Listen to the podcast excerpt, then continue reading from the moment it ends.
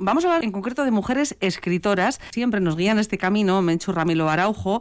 Ella es doctora de Ciencias Políticas de la Administración de la Universidad del País Vasco. Además, es máster en Igualdad de Mujeres y Hombres y trabaja en diversos proyectos, entre ellos Wiki Emakumeok. Menchu, ¿cómo estás? Muy bien, todo bien por aquí. Qué campo tan bonito, ¿no? El de las mujeres escritoras. No sé si, como suele ocurrir, también aquí hay gran invisibilización en, en cuanto a, a que esas mujeres, todo lo que han llegado a hacer, no se ha conocido lo suficiente o incluso no se ha conocido. Pues sí, Virginia Woolf solía decir que todos aquellos textos que se firman con anónimo, probablemente detrás de ese anónimo hubiera una mujer y, sí, las escritoras también eh, tienen una brecha en Wikipedia, que es el espacio del que hablamos. Las escritoras son una de las profesiones que menos brecha tienen respecto a otras, como pueden ser agricultoras o científicas o, bueno, otros perfiles. Vamos a centrarnos en, en, mujeres, en biografías de mujeres escritoras. Bueno, tú has hecho una búsqueda, bueno, varias búsquedas en realidad, ¿no? ¿Por dónde empezamos? Pues mira, primero he empezado a ver desde 2015 cuántas eh, escritoras hemos hecho en nuestras quedadas de Wikimakumeok. De las mil y pico biografías que hemos hecho en total, hemos generado 35 nuevas biografías de escritoras que son vitorianas alavesas, pero también hay algunas escritoras del mundo y me encantaría destacar alguna de ellas hoy. Después lo que he hecho ha sido ir a Google y buscar eh, Wikipedia escritora de Vitoria. Y bueno, pues tengo aquí un listado que vamos a ir repasando. Destacan algunas, entiendo, ¿no? En esa primera búsqueda aparecen algunas que son, bueno, pues muy, muy conocidas, que venden muchos libros. Muy populares. Sí, digamos que lo primero que nos aparece en Google son aquellas páginas que mucha gente ha visitado o que otras páginas enlazan a estas páginas y entonces, bueno, pues el top top en resultados de búsqueda de Google se lo lleva a Toti Martínez de Lecea, que no sabía yo que se llamaba Esperanza. Toti nació en Vitoria en el año 49 y es muy conocida por todas las novelas que ha escrito sobre leyendas vascas, novelas históricas y también novelas dirigidas a gente joven. Sí. En segundo lugar aparece Marisol Ortiz de Zárate, que es una escritora nacida en Vitoria en el año 60 y esta biografía la creamos en Wikimacumeo. Está especializada en literatura juvenil y su primera novela fue Los enigmas de Leonardo, una novela histórica para adolescentes con la que también empezó a dar charlas por centros educativos sobre lectura o como narradora de historias. La tercera que aparece en los resultados de búsqueda pues es alguien muy conocida últimamente por el premio Planeta que, acaba de recibir, que es Eva García Sáenz de. Poco más que decir de ella, es muy, muy conocida y, Sí, su trilogía, El silencio de la ciudad blanca, fue llevado al cine, bueno, pues una mujer muy conocida y además con ese premio Planeta. Otra mujer cuya biografía surgió en las wikiquedadas de Wikimacumeo es Marisa Osés Ruiz de Azúa, que nació en Gasteiz en el año 69 eh, y es actriz, directora, guionista de cine y también escritora. Y bueno, pues Marisa, los últimos eh, datos que tenemos de ella es, ha realizado cursos de cinematografía con Imanol Uribe, eh, ha hecho talleres de interpretación con Moncho Armendari, se enfrascó en el mundo de cine haciendo guiones para cine y televisión y también pues ha publicado distintos eh, trabajos para cine y televisión, eh, publicaciones de libros, eh, obras de teatro. María Belén Fernández Hernández, que nació en Miranda, pero es profesora o ha sido profesora en Vitoria, no sé si está jubilada o, sigue activa. Y esta mujer está especializada en obras de ficción. Destaca entre sus trabajos la trilogía de la leyenda de Aranday. Sí. Y también tenemos a una muy conocida que organiza un festival fantástico de poesía anualmente en Vitoria, que es Elisa Rueda. Poetas en Mayo, sí. Que aunque nació en Marquina, pues bueno, pues también es vitoriana de, vivir en. sí, bueno, de adopción, de corazón y de. Tiene esa mezcla, Elisa pero también otra mujer que ha hecho mucho, desde luego, por, por visibilizar ¿no? todo lo que estamos comentando siempre en este espacio y, por supuesto, la poesía, la cultura en, en nuestra ciudad. Tenemos otra gasteiztarra más joven, un poquito más joven, que tiene también una proyección más allá de nuestras fronteras, ¿no? Y para terminar con esta primera página de resultados de Google, Katisha Aguirre, que nació en Gasteiz en el 81 y, bueno, pues escribe habitualmente en euskera y tiene varias publicaciones de narrativa, de literatura juvenil y también eh, varios premios.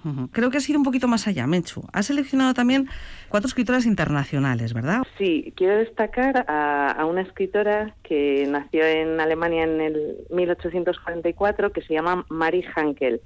Marie Hankel fue una escritora alemana de literatura en esperanto y fundó la Esperantista Literatura Asocio, que en esperanto quiere decir Asociación de Literatura del Esperanto, y ah, un dato importante, fue defensora del sufragio de las mujeres en, en, Alemania en su época. Me parece una mujer muy interesante porque, bueno, durante el confinamiento una de las cosas que me animé a hacer fue apuntarme a un curso de Esperanto. ¿Cómo fue la, eh, la experiencia, Menchu? Pues interesante porque... Es el lenguaje que pretende ser universal, ¿no? El Esperanto. Sí, es, es la pretensión que tenían las personas que, que lo pusieron en marcha. Aunque, bueno, tiene bastantes... El sesgo que tiene es occidental, ¿vale? Está más pensado con lenguas eh, del norte de Europa, pero es, es curioso y además creo que el nombre de esta escritora me surgió leyendo un pequeño poemita en esperanto que lo había escrito ella. Y bueno, pues así di, con esta sufragista y, bueno, soñadora de un lenguaje en el que todas las personas nos pudiéramos comunicar. Sí. Y por eso quería destacarla. Y quiero destacar también a otro descubrimiento gracias a una amiga que me regaló un libro de, esta autora. El, título es muy original, Los derechos de los hombres y otras utopías. Es un libro que escribió Annie Denton, bueno, perdón, no es un libro realmente, la historia es muy bonita. Eh, esta mujer, Annie Denton Crick, es de 1825, eh, nació en Inglaterra, pero emigró a, a los Estados Unidos. Y ella termina escribiendo esos cuentos o sueños que son tan curiosos.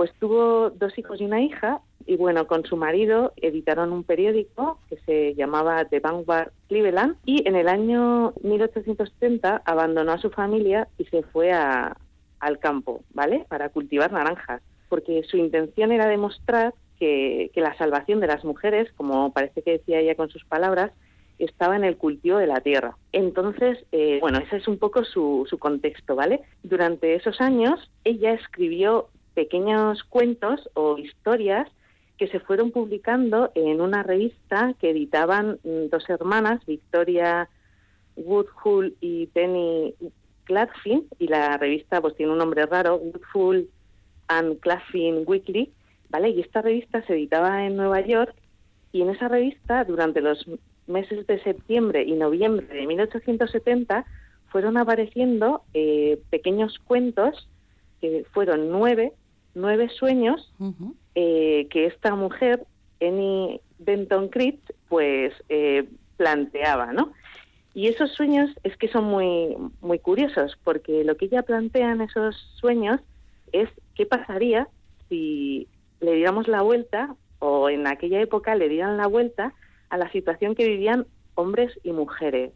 Y entonces, en esos sueños, Benton maneja la ironía y el humor para realizar un análisis muy lúcido y crítico de la situación de las mujeres en la sociedad de su época a través de, fábulas. La autora imagina en, estos sueños, en estos nueve sueños, un mundo en el que los papeles y roles tradicionales de hombres y mujeres están invertidos. Son las mujeres las que dirigen los negocios, se dedican a la ciencia, a la literatura, son las eh, que están en el espacio público, mientras que los hombres, eh, privados de educación y de expectativas, se encargan de las tareas domésticas, del cuidado de las criaturas y otros muchos trabajos ingratos, ¿vale? Pero los hombres comienzan a organizarse y a reclamar la igualdad. Vamos, que la autora deja claro que, que solo la, la educación ¿no? y la conciencia de que somos personas que tenemos que, reivindicar la igualdad de oportunidades y, el, trato en igualdad es necesario para, para eso, ¿no? Vivir en, en sociedades que sean sanas, e igualitarias, ¿no? Eso es. y, en el libro hay un fragmento al final, en la contraportada, que dice, papá, no comprendo por qué los hombres no podemos ganarnos la vida igual que lo hacen las mujeres. Yo quiero aprender un oficio. Y le dice el padre, eso son tonterías. Tu oficio es casarte. No hay ninguna necesidad de que un chico tenga una profesión. Lo que tienes que hacer es aprender a llevar una casa, porque algún día te casarás y tendrás que cuidar a tu esposa y a tus hijos. Fíjate, ya con eso es suficiente para un hombre. O sea, que es totalmente Me encanta el ejemplo, claro, porque nos hace gracia, nos parece increíble, pensando que son hombres, ¿no? Los que están protagonizando esa escena, algo que hemos visto durante años en las mujeres y todavía hoy, ¿no? Lo seguimos, lo seguimos viendo. Pues vamos a apuntar este nombre, Annie Benton Cripps. Annie Benton Cripps. El libro en español está traducido por dos eh, profesoras de instituto, Isabel Alquezar y Berta Lázaro.